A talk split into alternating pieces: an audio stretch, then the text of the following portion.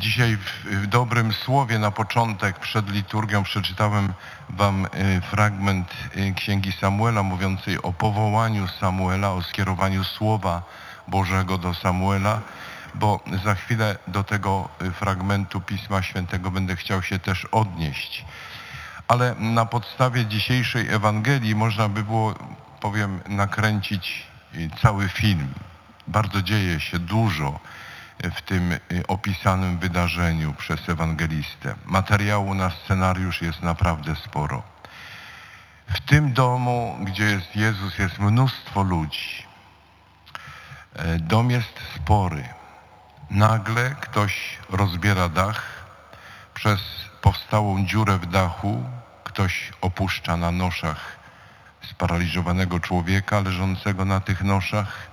Czterech ludzi go przyniosło powstaje zamieszanie i ten dziwny dialog Jezusa z tym chorym człowiekiem, któremu Jezus odpuszcza grzechy. No i wzburzenie faryzeuszy i uczonych w piśmie. Nagle bezwładny człowiek do tej pory wstaje, zabiera swoje nosze i wychodzi.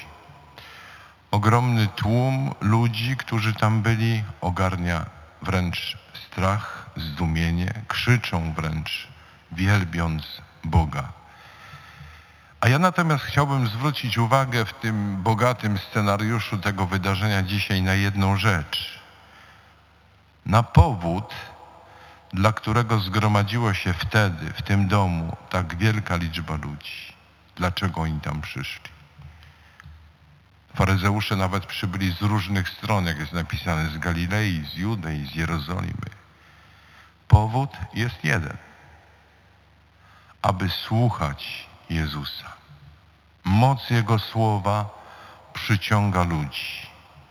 Moc Jego słowa uzdrawia ludzi. Oto powód, dla którego tam są. Przyszli Go słuchać.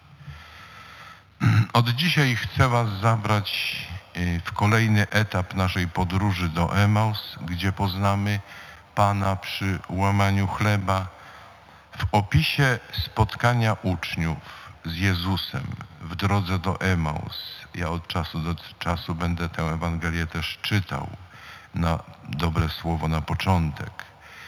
W, tej, w tym opisie podróży do Emaus bardzo wyraźnie jest napisane, że zanim go poznali, zanim doświadczyli znaku łamania chleba, zanim przyszła radość, była rozmowa słowo, rozmowa ze nieznajomym, a w zasadzie jego monolog.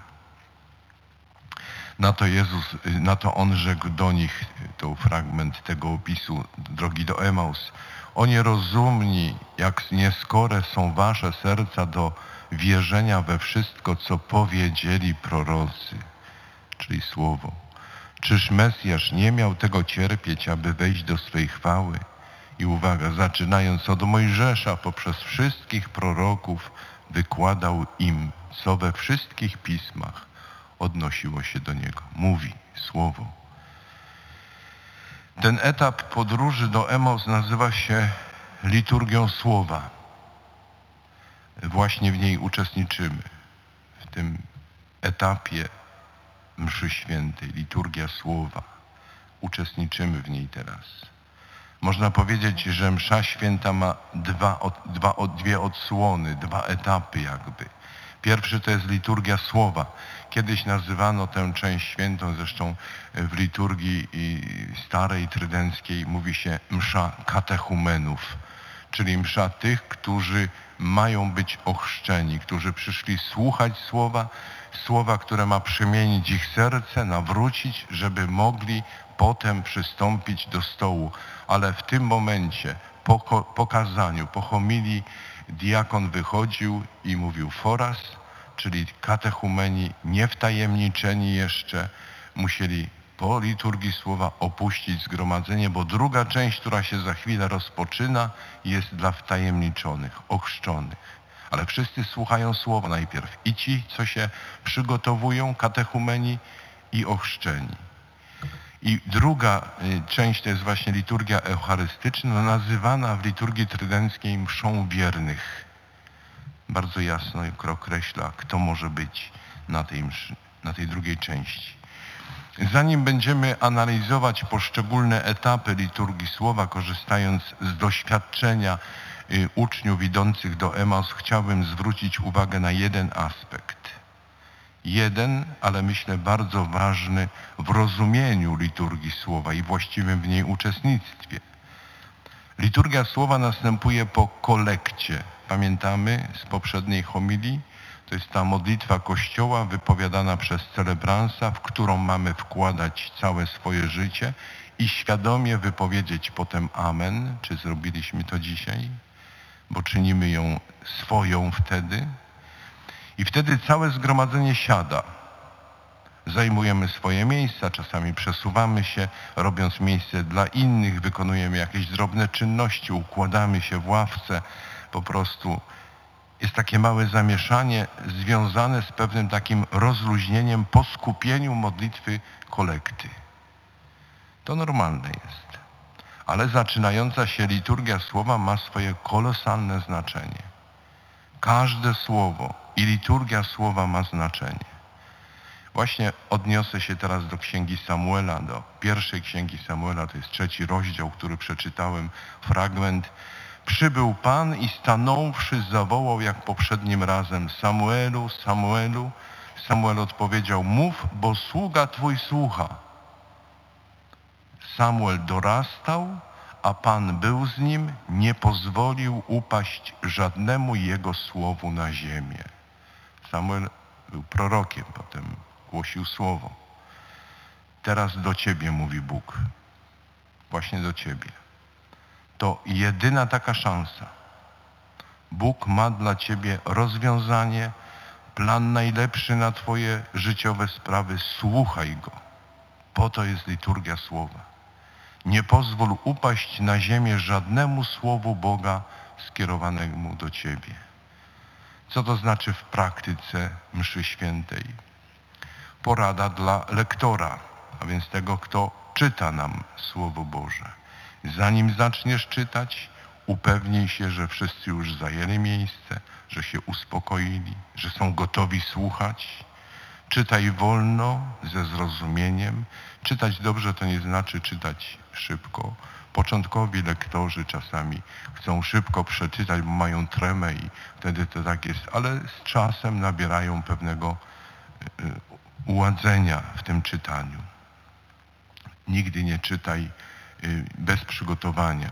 Tak, czasami jak lektorzy wpadają do zakrystii i widzę, jak szybko wertują, żeby zobaczyć, co jest, jakie czytanie, potem wychodzą do ołtarza i potem czytają tak, żeby przeczytać. Nie o to chodzi. Przekazuję Słowo Boże wolno, z namysłem. Czekam, jak wszyscy słuchają.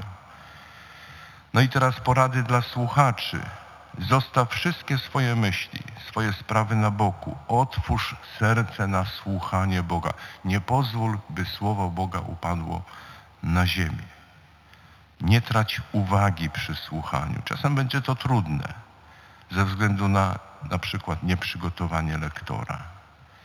Dlatego warto w domu sobie przeczytać ten fragment Pisma Świętego, który będę za chwilę słuchał w czasie mszy świętej. Są różne możliwości, są teraz w tej chwili różne książki zawierające poszczególne czytania na poszczególne dni. W internecie można znaleźć, gdzie tylko tam można. Praktycznie nie można zrobić dalszego kroku we mszy świętej, gdy się źle przeżyło liturgię słowa. Jezus wyjaśnia najpierw pisma uczniom idącym do Emaus. On sam. A oni? Oni są nieskorzy do wierzenia we wszystko, bo są wtedy nieuważnymi słuchaczami. Serce zamknęli na własnych wyobrażeniach, na własnych sprawach. Jezus nazywa ich nierozumnymi. O nierozumni, mówi do nich. W oryginale greckim tej Ewangelii to słowo dokładnie, dosłownie można przetłumaczyć o bezmyślni albo o powolni sercem. Powolni sercem, to jest, bardzo mi się podoba to tłumaczenie. Uwaga, liturgia słowa. Nie bądźmy bezmyślni i nie bądźmy powolni sercem. Bóg mówi.